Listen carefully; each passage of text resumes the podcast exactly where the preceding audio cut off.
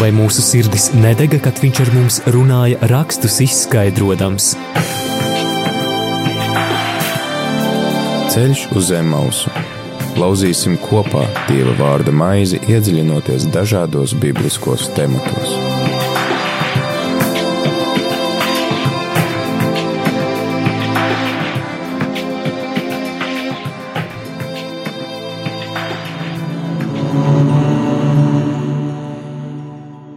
Rādījumā arī Latvijas klausītāji ir 5 un 1 minūte 4. 23. aprīļa pēcpusdienā ar tevi ēterā priesteris Pēteris Skudra.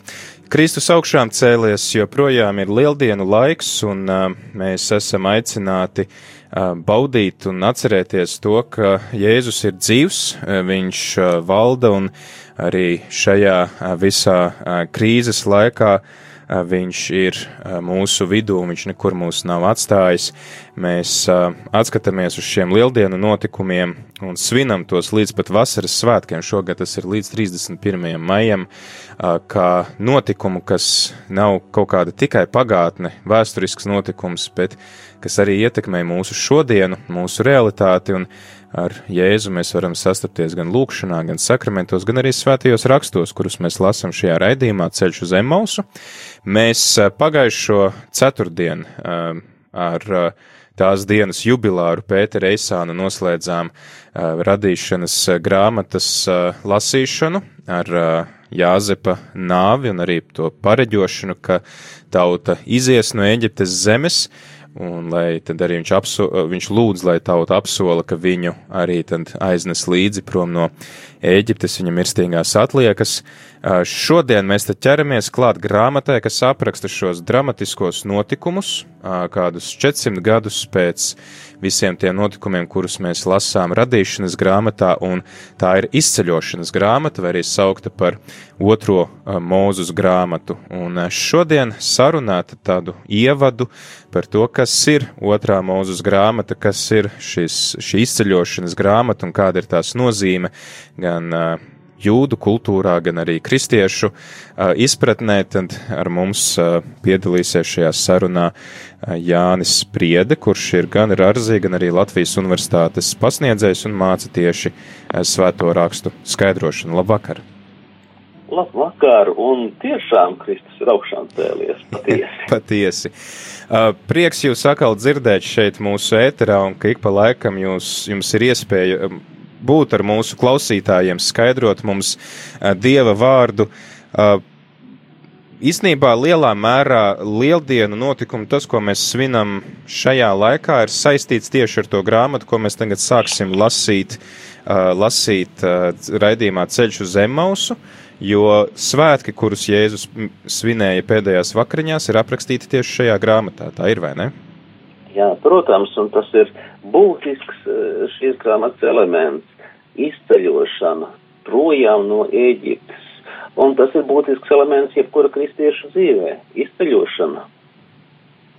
Jā, un arī tad uh, Euharistijas upuris un Paskas uh, šis upuris un šī maltīte, ko ēd Jēzus, tad arī ir, tiksim tā, lielā mērā saprotot to, kas notika Eģiptē, mēs arī varam saprast, ko darīja Jēzus un tad, kas notiek arī svētajā misē. Tā kā šī grāmata ir ne tikai tāda vēstures grāmata, bet arī ļoti svarīga mūsu izpratnē par misi, par Euharistiju, arī par to Jēzus upuri un pestīšanu, ko viņš mums ir nesis, varbūt tādā garīgā nozīmē, bet tie ir arī tādi priekšvēstneši, vai kā apustulis Pāvils saka, tādi tēli, grieķiski ir šis vārds tips, kas liecina par vai pravieto par Jēzus darbu. Atgādinu klausītāji, ka arī tu vari iesaistīties šajā sarunā, gan zvanot uz ēteru 679 69 131, gan arī rakstot īziņas uz numuru 266 77 272, vai arī rakstīt e-pastu uz studijāt rml.lv. Es esmu pilnīgi pārliecināts, ka tev ir jautājumi par izceļošanas grāmatu, un es domāju, ka arī uh, profesors Jānis Priede ir viens no labākajiem mūsu viesiem, kas arī var uz šiem jautājumiem mēģināt rast atbildi. Tad uh, sāksim varbūt vispār ar šīs grāmatas atrašanos, varbūt sāksim tad ar šo jūdu bībeli. Viņiem Pentateuhs piecas mūzus grāmatas ir vissvarīgākās grāmatas visos svētajos rakstos, un kādu lomu iz, ie, ieņemtu tieši šī izceļošanas grāmata? Jā, nu, Pentateuhs jeb hebreiski Torā ir tiešām viena no trim daļām, par kuru arī runā Jēzus, par, par šo Toru, jeb Pentateuhu, jeb, kā blika tulkojumā teikt, bauslību, Tā būtu tās pirmās piecas mūsu grāmatas. Nākamā daļa ebrejiem bija pravieši un tad raksti. Uh, šajā pentateuhā, jeb torā, jeb mūzes grāmatās, eksotus, izceļošana, otrā grāmata.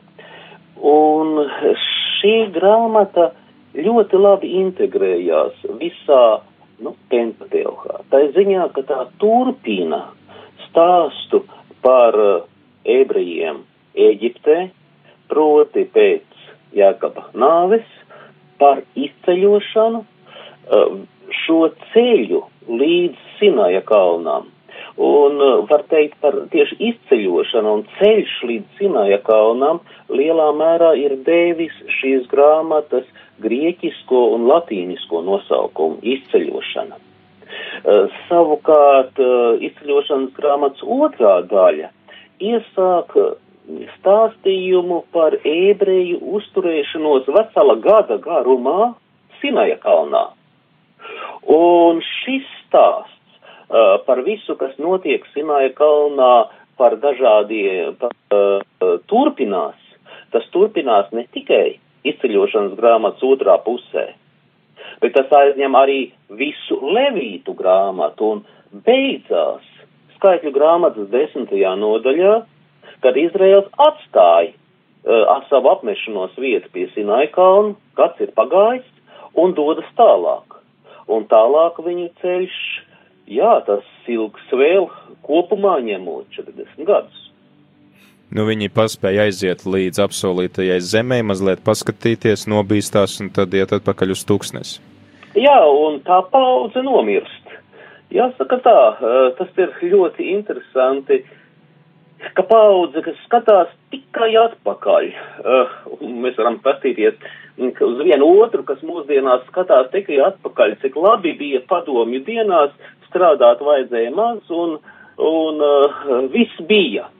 Tā kā tauta, kas skatās tikai atpakaļ uz sipoliem un ķiplokiem, kas bija Ēģiptē, nu, un neredz to, kas ir apsolīts priekšā, jā, viņa maldās. Un maldās, kamēr paudze paiet. Uh, drīz jau vien būs pagājuši 40 gadi pēc uh, Latvijas brīvības atgūšanas. Uh, redzēsim, vai kaut kas mainīsies. Jā, tad mēs varam vilkt tādas paralēlas arī tīri politiskā uh, nozīmē. Uh, tātad jūdiem tā ir tāda kā savas tautas dzimšanas apzināšanās, vai, vai kā tad viņi raugās uz šo, un, un arī droši vien, ka tāda arī šo dieva lielo darbu, jo paskā svētki tiek joprojām svinēti katru gadu jūdu ģimenēs, un viņi joprojām tad šajā maltītē atstāsta šos notikumus. Jā, te varētu teikt divas daļas jautājumā. Tas tiešām ir tautas veidošanās, jo līdz šīm radīšanas grāmatā vai iesākuma grāmatā bija aprakstīta ģimenes vēsture. Ābrāms, Jēkabs. Uh, tagad ir runa par viņu dēliem, proti par Izrēla dēliem.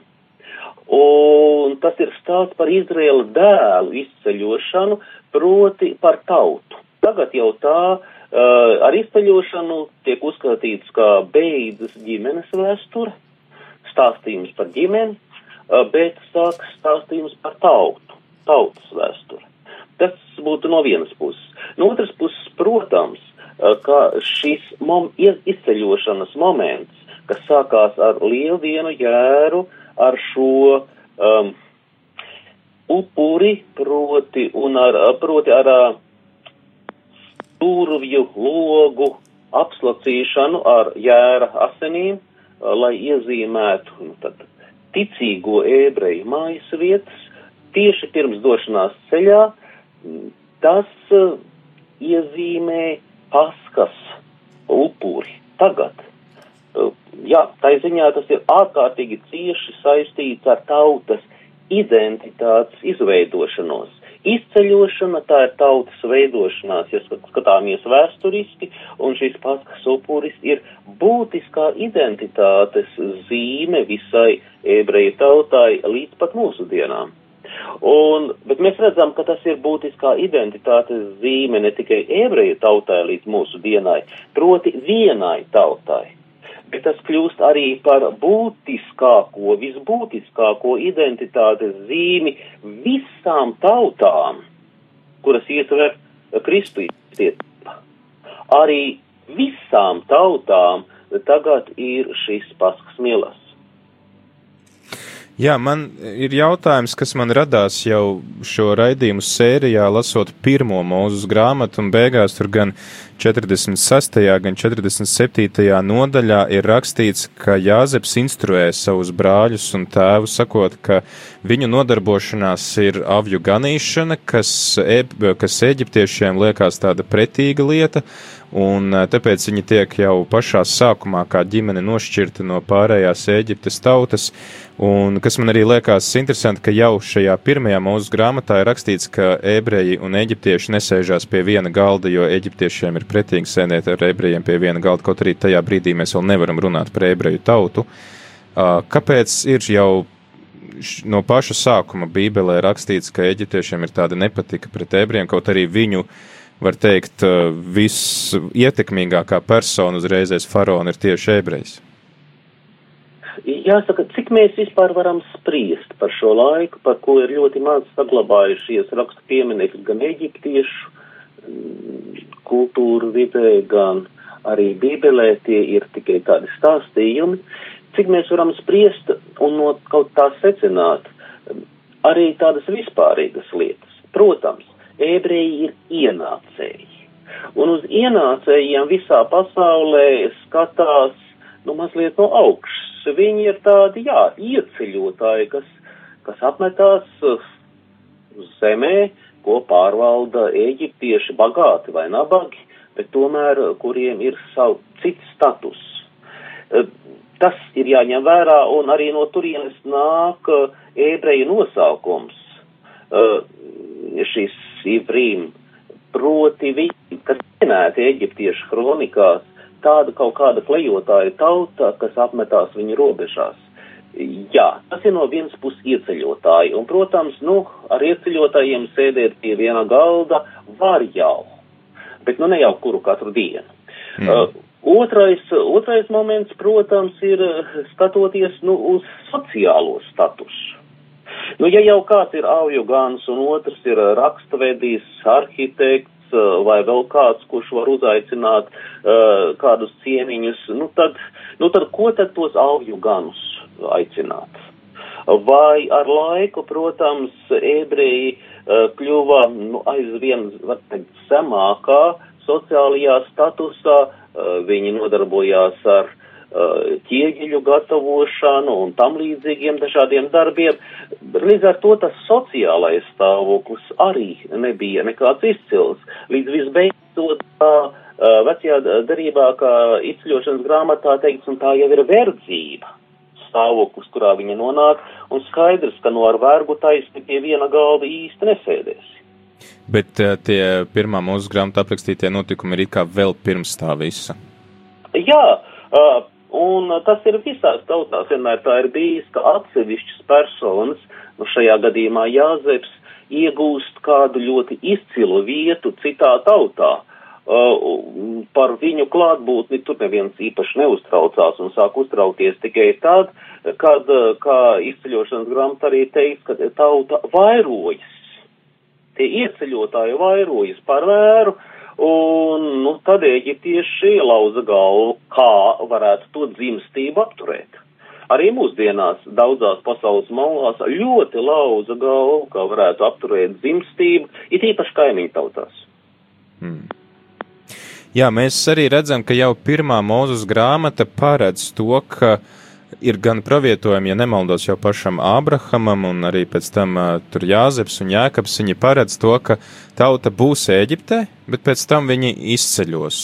Un tad sanāk, ka kā Dievs jau speciāli organizē visu šo verdzību, lai parādītu savu spēku viņus izvedot ārā, vai tas ir kāds garīgs skaidrojums, ka jūdu autori, kas lika kopā šīs grāmatas, kā saskata, ka caur to visu darbojas Dievs, kā mēs to redzējām Jāzepa stāstā, vai kāds ir, kāds, kā to visu saprast, ka viņi jau paredz? Domāju, ka tā virzība, virzība uz šo zemi, kas ir solīta jau Ābramam, Uh, virzība ir skaidri saredzama viscaur, bet dažādi notikumi, kas ir pa ceļām, tā skaitā uzturēšanās Ēģipte un ceļš projām, šos notikumus lielā mērā ietekmē paši cilvēki.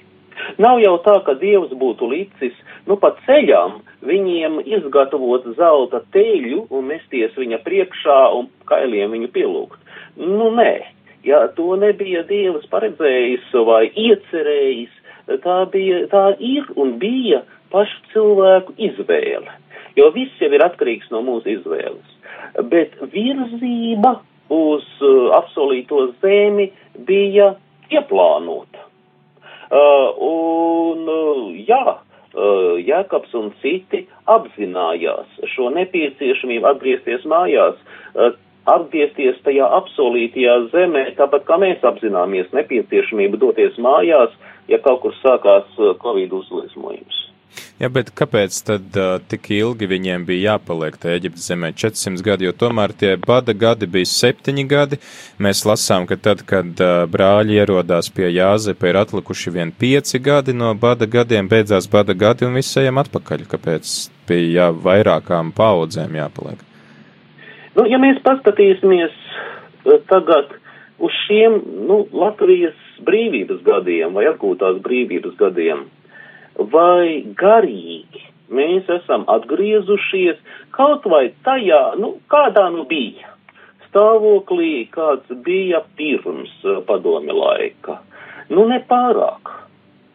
Eh, mēs neesam tur atgriezušies, mēs joprojām dzīvojam tādā postpadomju mentalitātē, no daļēji postpadomju, daļēji mm, post-Eiropas vai brukošās Eiropas mentalitātē.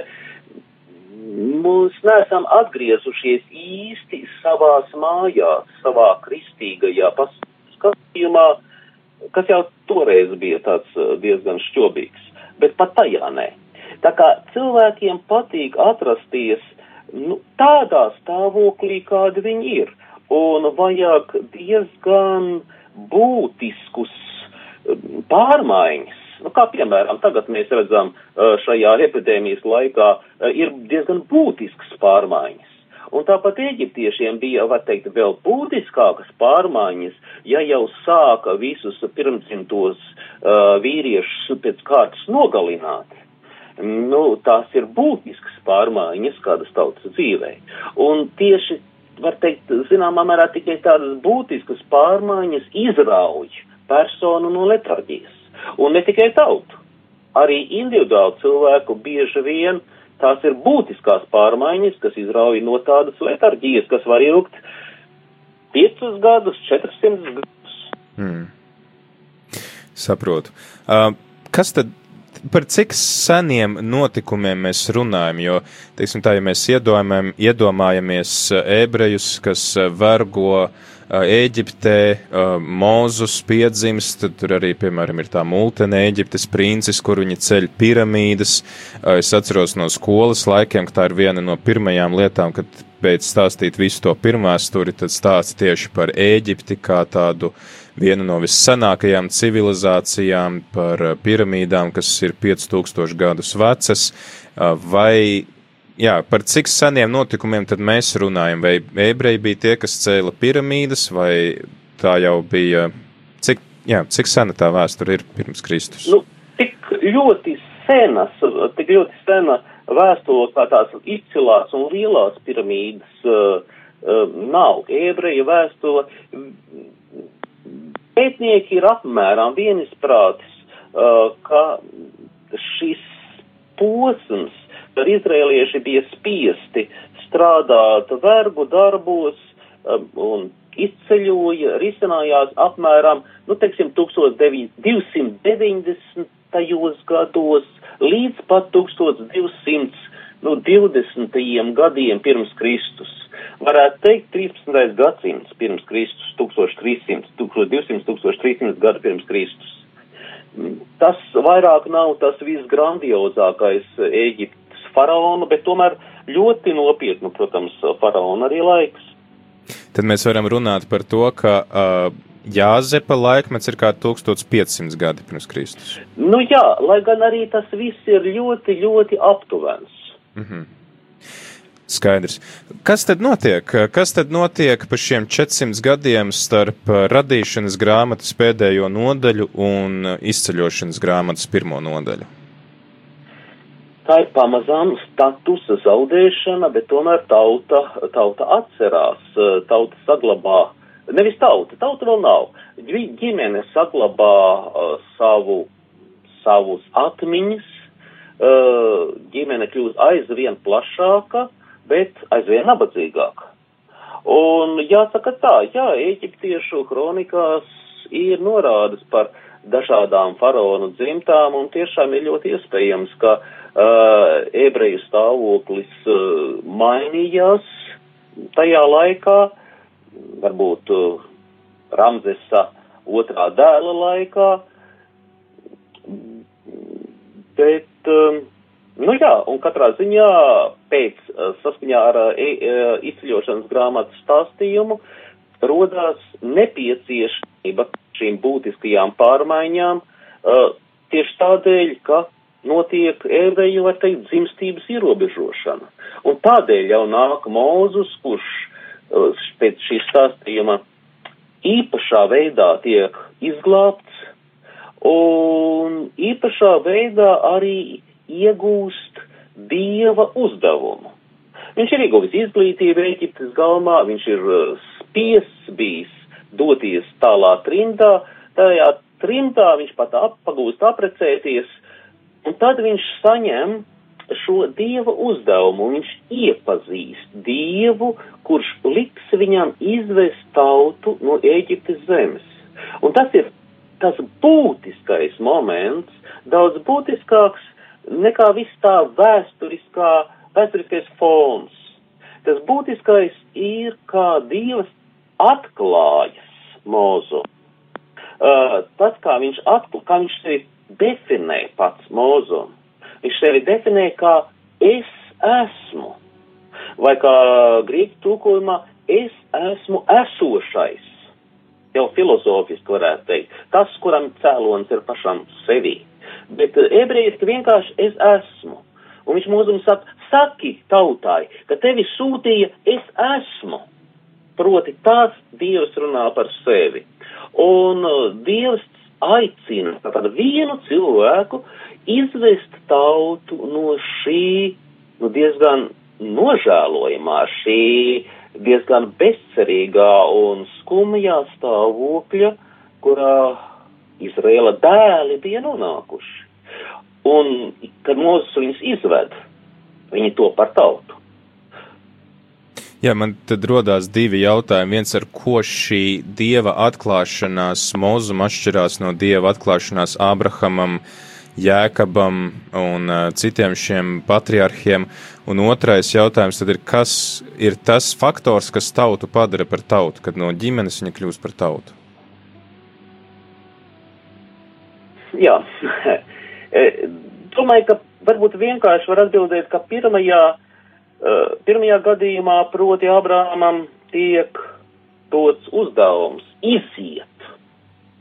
Iziet un doties, nu, doties ceļā, doties ceļā, var teikt, principā arī uz apsolīto zemi. Uh, Dievs atklājas, jā, Abrāmam un apsola viņu darīt par lielu tautu. Tas ir apsolījums darīt viņu par tautu. Ar laiku, kaut kad. E, savukārt, Mūzus gadījumā tas ir e, kaut kas vairāk. Dievs atklāja sevi mūzumu. Viņš atklāja ne tikai, var teikt, nu, vārdu, tā nosacīt varam runāt par vārdu savu esamību. Es esmu, es esmu esošais, es esmu. Es esmu tas, kas es, kas ir, tas, kas ir, kas reāli ir un patiešām ir, un kurš nav tā vakar biešu, nu, rītā nebūs. Nē, kurš vienmēr ir, tas ir Dievs. Tātad no vienas puses jau ir daudz dziļāka apziņa par Dievu. No otras puses Dievs pat, nu pat atklāja sevi mūzumu, neatklāja sevi taisnī e, savu seju, jā, jo kas redz Dievu, saka, pareizi saka, norāda mūzus, tas mirst. Nē, Dievs parāda sevi tā, nu, var teikt, no mugurpuses, bet Dievs atklājas mūzumu, e, Dievs viņam dod jaunu uzdevumu. Tieši to teikt, var teikt, pēdējo soli ievest apsolītajā zemē. Taču tas ir būtiski, es domāju, to pateikt, ka tas ir pēdējais solis ar apsolījumu. Proti, vai tad Mozus ieveda tautu apsolītajā zemē? Pats ne. Neieveda. Ja viņš viņu neieveda, viņš palika otrpus Jordānas. Un bija jāgaida jauns mūzus, kas ievest tautu apsolītajā zemē. Jā, toreiz tautu apsolītajā zemē ieveda Jozoā pēc uh, mūzus nāves, uh, proti tika izpildīts tas apsolījums nu, uz to lokālo vietu, svēto zemi, Izrēlu, Palestīnu. Tā praktiski, politiski, nu, viņa tika vai sociāli, viņa tika iegūt.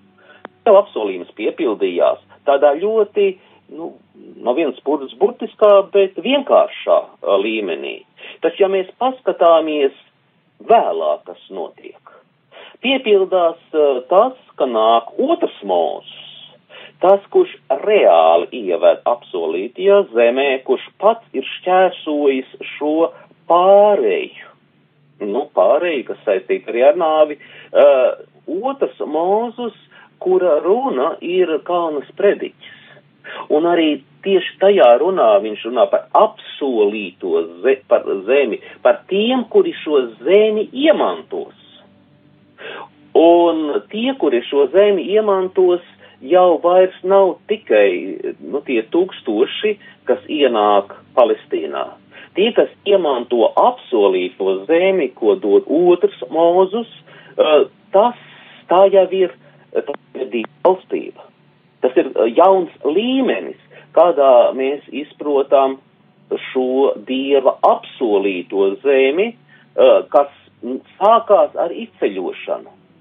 Tas sākās ar izceļošanu gan ebrejiem, gan jebkuram, jebkuram kristietim vai cilvēkam visā pasaulē, un kas nonāk līdz apsolītajai zemē. Līdz apsolītajai zemē, proti Palestīnai toreiz ebrejiem, vai līdz Dievu valstībai, kristietībā. Tas sanāk, ka šie notikumi, kurus apraksta izceļošanas grāmata, var teikt, piepildījumu gūst 13 gadsimtus vēlāk Kristus personā, ka tas ir tāds Jā, ievads. Un... Tieši tā, mm. jo, jo, ja mēs skatāmies no kristiešu perspektīvas, tad, protams, viss tas, kas norisinājās vēsturē, nu, ir interesants, tas ir jāpēta un tas ir svarīgs. Mhm. Taču vēl svarīgāks ir šis skatījums, kas savieno jauno un veco darību. Tas nav skatījums tikai uz kādu 13. gadsimtu uh, pirms Kristus, bet tas ir skatījums, kas savieno 13. gadsimtu ar Kristus laiku un ar ikvienu no mums. Jo, ja nav šīs uh, savienošanas, uh, tad teksts kļūst par ļoti tālu. Nu, tāpat kā Homēra, Odiseja vai Ilijāda, nu jā, viens otrs inteliģents cilvēks to ir izlasījis pilnībā, dažs ir iepazinies ar sižetu, bet īpašas saistības ar mūsdienām nav. Mhm. Turpretīm šī izceļošanas grāmata ir saistīta ar mūsdienām.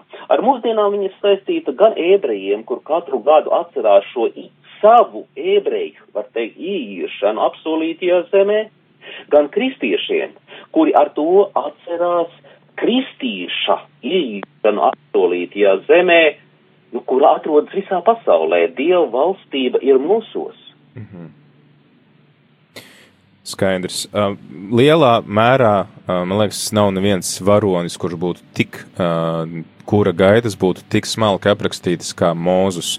Uh, kas ir Mūzus un kā tas nākās, ka šis ebreju bērns, ko izvelk no ūdens, netiek turpat noslīcināts, bet pēkšņi pieņemts Eģiptes faraona galmā, Viņš eh, saņem iespējams tā laika labāko izglītību, viņš pazīst to kultūru, reliģiju.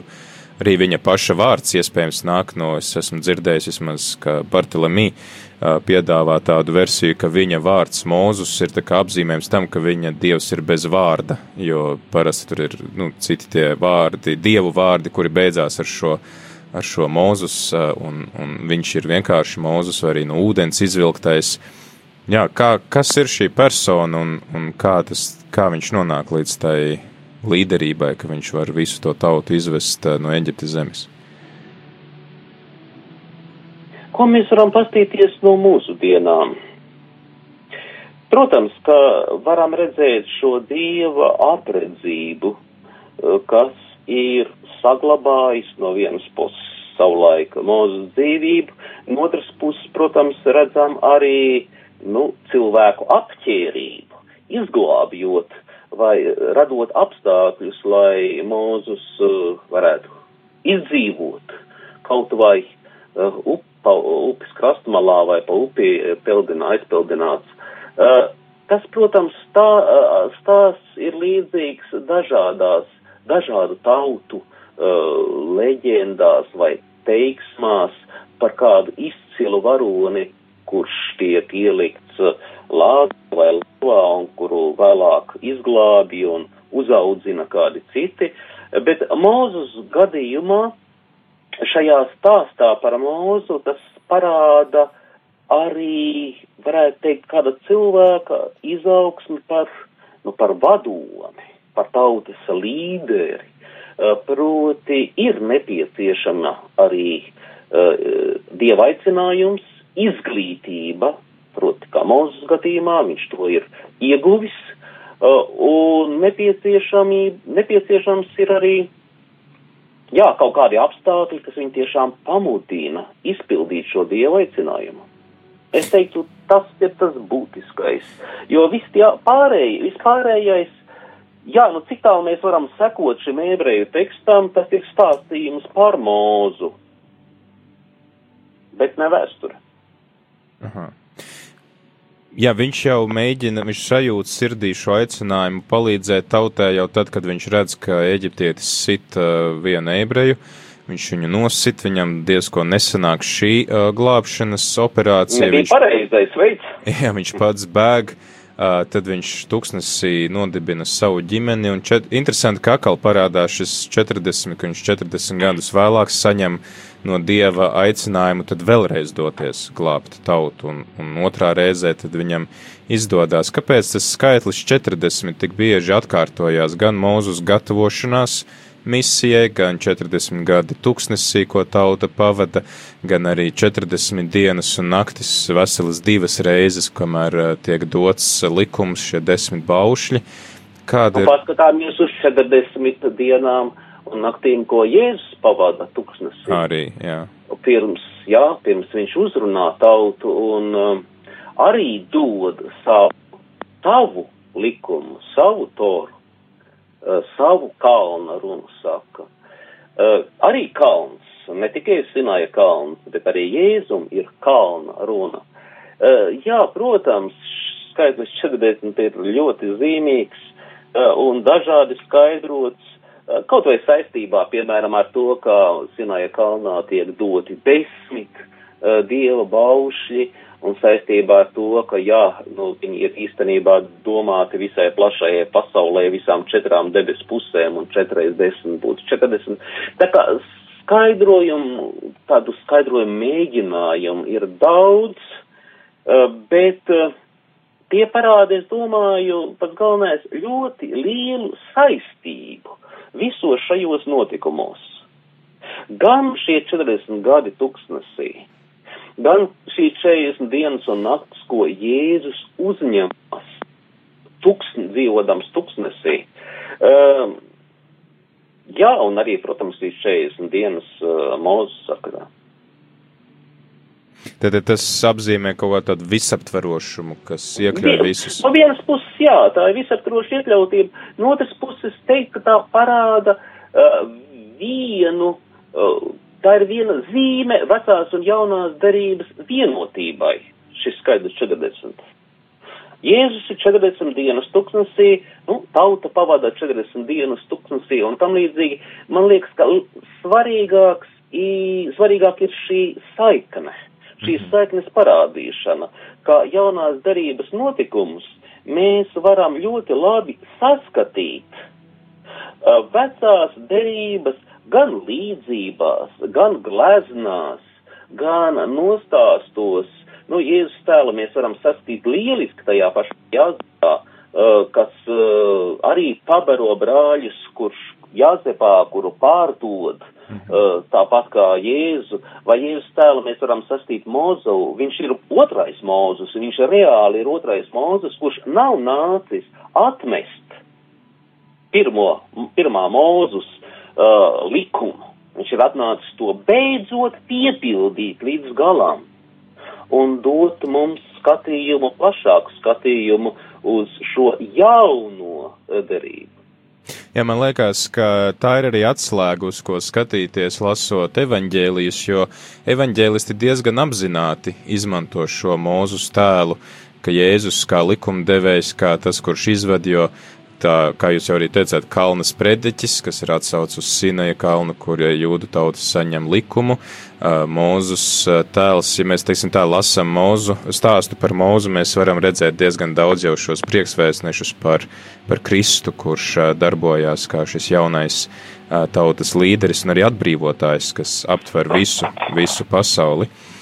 Um, Atgādinu klausītājiem, ka mēs šodien sarunājamies šajā raidījumā Ceļš uz Emausu ar uh, svēto rakstu pasniedzēju profesoru Jāni Priedi, un šodien tad pārunājam izceļošanas grāmatu, tā kā atgādina klausītāju gadījumā, tev ir kādi jautājumi par izceļošanas grāmatu, tā vispār, tad droši vari zvanīt mums šeit uz ēteru, gan arī rakstīt īziņas vai ēpastu.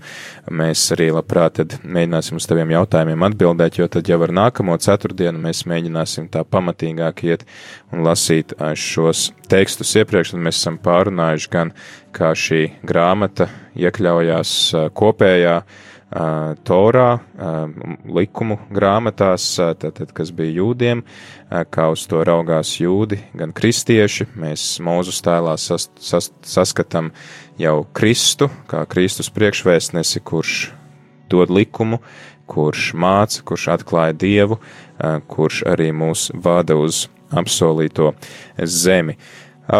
Mēs tā šīs, te, teiksim tā, svēto rakstu komentētāji sadala šo grāmatu trīs tādās daļās. Pirmā daļa ir, ka Izraels uh, ir Ēģiptē un ir aprakstītas šīs desmit Ēģiptes mocības. Tad otra daļa būtu um, šī paskā mielas tēšana un izceļošana līdz Sinaja kalnam, un tad visbeidzot būtu pati likuma došana un uzturēšanās šajā Sinaja kalnā. Tā pirmā daļa, man liekas, ir viena no visdramatiskākajām, kas arī ir iedvesmojusi filmas un, grāmatas un cilvēku iztēli. Desmit Eģiptes mocības, Dievs, kas sūta mūzu pie, pie faraona, lai lūgtu atbrīvot tautu kas man iekrīt acīs arī atskatoties uz pirmo mūzes grāmatu, ka tātad Dievs jau paredz, ka būs šī verdzība. Otrajā mūzes grāmatā ir teikts, ka Dievs ir tas, kurš nocietina faraona sirdi, kur it kā Dievs pats kā apgrūtina šos apstākļus, lai izvestu jūdu tautu no Eģiptes, tad arī liekas, ka Dievs aicina melot, jo viņš saka, sakiet faraonam, ka jūs gribat iet upurēt Dievam tuksnesī, bet tur nekur netiek teikts, ka ļauj mums aiziet pavisam projām, un tad faraons saka, labi, ejiet upurēt, un, un tad uh, aizlūdziet arī par mani. Kā mēs varam skaidrot šīs it kā tādas pretrunīgās uh, vietas, kuras, es domāju, krīt acīs katram lasītājam? Tur ir īstenībā daudz jautājumu, ko jūs pajautājat. Varbūt viens vienkāršākais, mēs gribam iet upurēt tuksnesī. Tā ir patiesība. Nu, ko tad darīja ebreji tuksnesī visus šos 40 gadus? Viņiem bija šī telts, viņiem bija vieta, tātad, kur pielūgt Dievu, viņiem bija iespēja un vēlme upurēt, un viņi to arī darīja. Tātad viņi 40 gadus neko citu vien nedarīja, kā upurēja. E, tas, kā faraons to saprata savādāk, jā, nu tas jau nav slikti. Citādi, ja viņš nebūtu ļāvis viņiem doties projām. E, tas, protams, ir tādā patiesības pateikšanu un patiesības varbūt nepateikšana līdz galam tiem, kuriem nav tiesības zināt patiesību līdz galam. Un arī paši ebreji droši vien nezināja, ka 40 gadus viņi pavadīs tuksnesī, jo ja viņi to būtu zinājuši, tad nezinu, vai viņi visi būtu devušies projām, bet labāk palikuši pie saviem sipoliem un ķiplokiem, vismaz daudz no viņiem. Tā kā es teiktu, ka no vienas puses ebreji uh, nemeloja, Jā, bet no otras puses, protams, tā patiesība izvērtās pavisam savādāk. Smagāks jautājums man šķiet ir par jautājumu par faraonu un viņa sirds nocietināšanu. Jo faraons it kā ir gatavs atlaist, it kā nav gatavs atlaist, un tad seko šīs Ēģiptes mocības vai šie dažādie notikumi, ku, ar kuri pārliecina visbeidzot faraonu vismaz pēdējais, ka nu ir jātiek vaļā no šiem imigrantiem un jāļauj viņiem doties uh, projām. Uh, tātad uh, vienas puses šeit mēs redzam tādus vēsturiskus, it kā elementus vai stāstījumus par vēsturi. Tas ir stāstījums. Tas ir stāstījums vecās darības, nu, jā, notikumu ritējumā. Lab, vislabākajā veidā mēs viņu varam, protams, apvienot ar skatījumu no jaunās darības, uz visu to, uz kristiešu skatījumiem par šiem notikumiem. Bet par to pēc tam. Vispirms par šiem notikumiem pašiem. Uh, mēs zinām, ka vecā darība ir pilna gan ar varmācību, uh, gan, jā, reālu varmācību, kas notiek tajā kultūra vidē un tikpat labi mūsu kultūra vidē, uh, kurā atklājas gan cilvēku sirds ļaunums, gan arī labestība bieži vien. Bet faraons ir šajā grāmatā tāds ļauns tēls. Un tāpēc nav jābrīnās, ka pirmo gadsimtu un arī vēlākie kristieši Eh, tik eh, tiešām faraona tēlu skaidroja ga, eh, garīgā nozīmē alegoriski.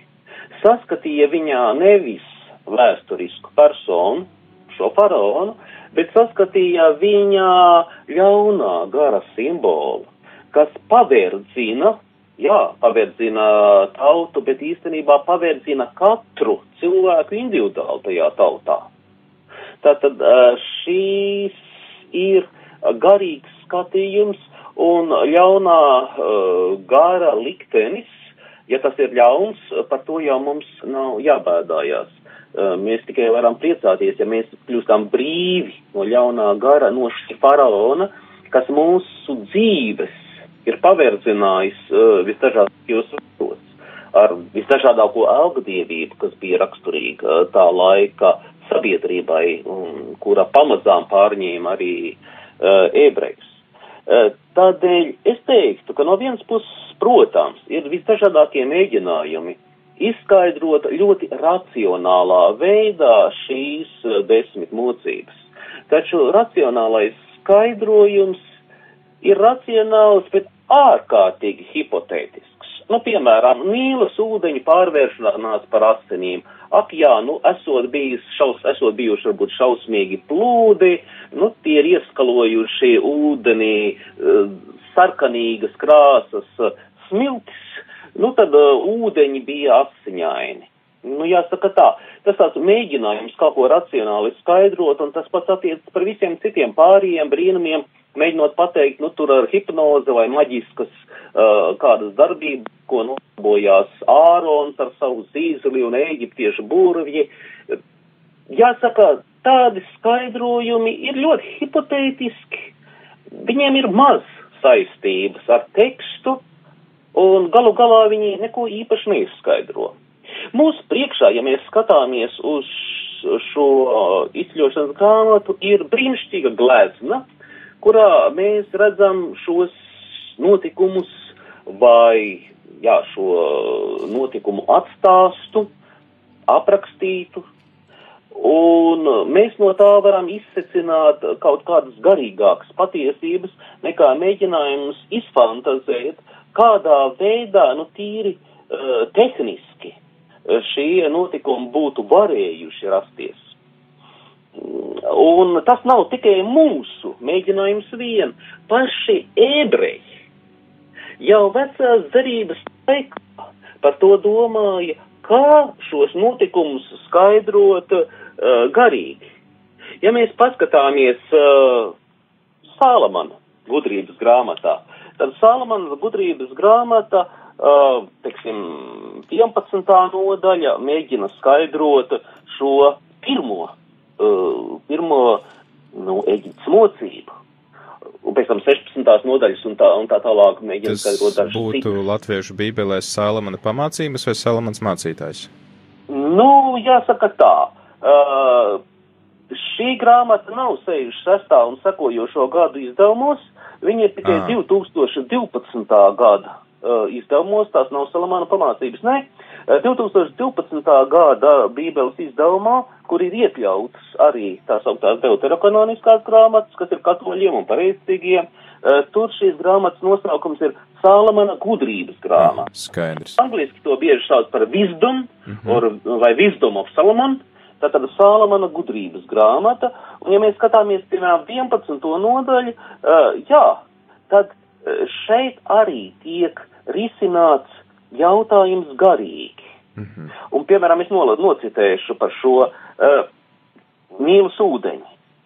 Viņš saka, Ēģiptiešiem, kas bija uh, šādi ūdeņi, viņš saka, tie bija vie, Ēģiptiešiem saduļķotu asiņu saviļņotas upes mūžīgais tecējums, sots par rīkojumu bērnus slepkavot.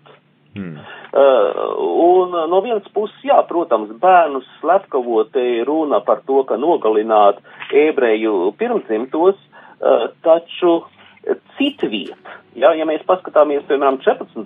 grāmatā, ir runa ne tikai par to mocību pēdējo desmito, uh, kad mirst uh, Ēģiptiešu pirmdzimtie, bet, piemēram, mēs lasām vispārēju uh, tās sabiedrības, un varbūt, ka ne tikai Ēģiptiešu sabiedrības toreizējās posta aprakstu, ga, uh, tikumīgā vai sabiedrības posta aprakstu, proti, nu, piemēram, tieši runājot par šīm mocībām, jā, uh, nocitējuši pāris pantus no Salamana gudrības grāmatas 14. nodaļas, ka ne tikai par maz tiem bija Dievu pazīšanā maldīties uh, un dzīvot šajā nezināšanā un sveikt kā mieru, kā mieru, sveikt tik milzīgu ļaunumu, proti to, ka savos ritos, kuros bērnus slepkavo, vai slēgtās noslēpumu svinībās, vai trakulīgās dzīrēs pēc trešiem priekšrakstiem tie dzīves skaidrību un lība īstumu zaudē, no slēpļa uzbrukot viens otram nonāvē, ka visu savstarpējā sajukumā noteic asinis un slepkavības, zakšana un viltus, samaitātība un neusticamība, kūdīšana, neparasti zvēresti, satraukums, nepateicība, dvēseļu sagandīšana, samaiznīšanās dzimumiem, sajukums laulībās, laulības pārkāpšana un izlaidība, proti, tas tiek teikts pirms Kristus. Hmm. Un, ja mēs tā paskatāmies, nu, tas, uh, godīgi sakot, iet laikmetiem cauri. Arī mūsdienās mēs uztraucamies bieži vien tieši par šīm pašām, šiem pašiem fenomeniem sabiedrībā un sakām, ai, ai, ai, cik slikti. Jā, mums strauji raidījums rit uz beigām. Faktiski mums jau ir jānoslēdz, lai, lai dotu arī vietu ēterā svētās mīsas translācijai. Varbūt eh, pirms mēs to visu rezumējam un, un varbūt iedodam klausītājiem tādas atslēgas, kā vispār raudzīties uz šo grāmatu, to lasot. Man ir jautājums, vai mēs varam raudzīties uz šiem notikumiem kā uz vēsturiskiem notikumiem, vai tomēr tie ir vairāk tādi simboliski, varbūt arī dramatizēti ar kaut kādiem teiku elementiem, lai izskaidrotu varbūt vairāk to vēstījumu, ko šo rakstu autori ir vēlējušies pateikt? Domāju, ka tie ir vēsturiski notikumi, kuri ir atstāstīti ļoti mākslinieckā veidā un kurus ir atstāstījis eh, nevis profesionāls uh, historiogrāfs, uh, stenogrāfs, kas visu ir pierakstījis vārds vārdā, bet kur ir saglabājušies gadsimtiem cauri pārstāstīti no mutes mutē, jo pats Lieldienu svētku svinēšanā jau bija dot šis uzdevums atstāstīt šos notikumus. Tātad šie notikumi, kas saglabājušies nu, no mutes mutē, no paudzes paudzē. Tas ir viens tāds skatījums, es teiktu, uz šiem notikumiem. Otrs, kas svarīgais, ir šī likuma došana Sinajā, šī būtiskais likums, jeb bauslība, jeb tora, ko dod pirmais mūzus, un šī sakarība starp pirmo mūzu un otro mūzu, Jēzu. Un vēl būtiskais elements, es teiktu, ir derības telts, kas tiek pēc mūzes rīkojuma, pēc dieva plāna veidota, radīta šajā tuksnesī, kas pavada, uh, kas, ko ebreji nes cauri tuksnesim visus šos gadus, svin savus dievkalpojumus, un uh, latīniski to sauc par tabernākulu. Proti tā ir vieta, kur ir klātesošs dievs. Šī dieva klātesamība tautā, kura viss tiešākā veidā īstenosies, jāsaka, jaunajā darībā. Proti, jo, ja mēs lasām Jāņa evaņģēlīju pirmo nodaļu un lasām to grieķu tekstā, tad tur, kur ir teikts, Jēzus ņēma māju vietu mūsu vidū, ja mēs rakst, lasām burtiski, tad grieķiski ir uzslēja telti mūsu vidū. Proti viņš ir šī jaunā svētnīca, eh, kas ir mūsu vidū līdz pat pasaules beigām, un tas ir tabernākos, kurš ir par visu pasauli. Ne tikai vienas tautas vidū tuksnesī, bet tik viena cilvēka vidū, kurš dzīvo pasaules tuksnesī un ceļo uz apsolīto zemi.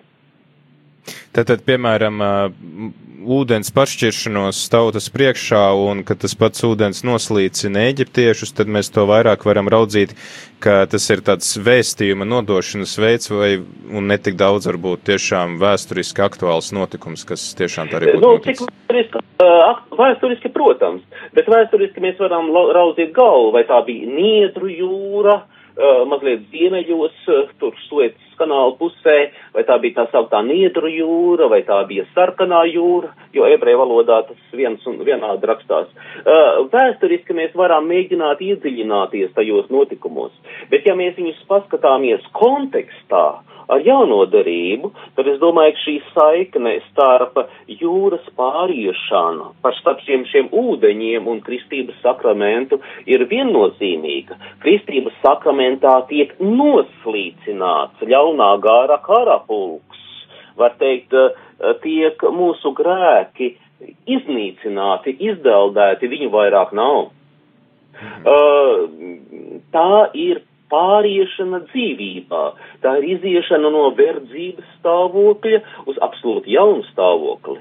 Tātad tiklīdz mēs skatām šaj, šajos notikumos tādā kristīgā skatījumā, lasām veco darību un izceļošanas grāmatu, mēs, es teiktu, labāk saprotam izceļošanas grāmatu. Un otrs puses, mēs labāk saprotam, ko īsti nozīmē vai kādā veidā mēs varam nu, tēlaini aprakstīt un saprast uh, baznīcas sakramentus, kristietības būtību. Skaidrs.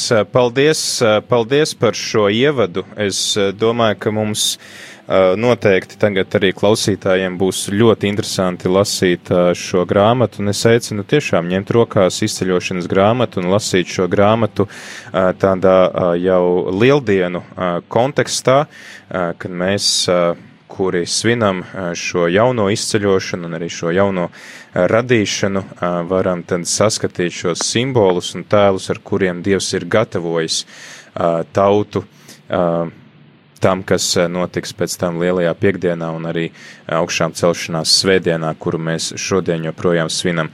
Paldies, profesor, ka bijāt kopā ar mums. Un, Paldies, ka uzaicinājāt. Jā, tiešām ārkārtīgi, ārkārtīgi interesants stāstījums. Es ceru, klausītāji, ka tev tas noderēja un palīdzēs lasīt šo grāmatu. Jau nākamā ceturtdiena ķersimies klāt pirmajai nodaļai, bet tagad jau pavisam, pavisam drīz svētās mīsas translācija no Liepājas svētā Jāzepa katedrālis. Šodien ar tevi ētrā bija es, Pēriestris Pēteris Skudra, un kopā ar mums arī bija profesors Jānis Priede, un tad arī paldies visiem par klausīšanos, par sekošanu līdzi un arī atbalstu Radio Marija, ka mēs varam šeit ētrā satikties un iepazīt labāk svētos rakstus, tos lasīt, tos pārdomāt un arī izdzirdēt, kā Dievs uz mums caur tiem runā.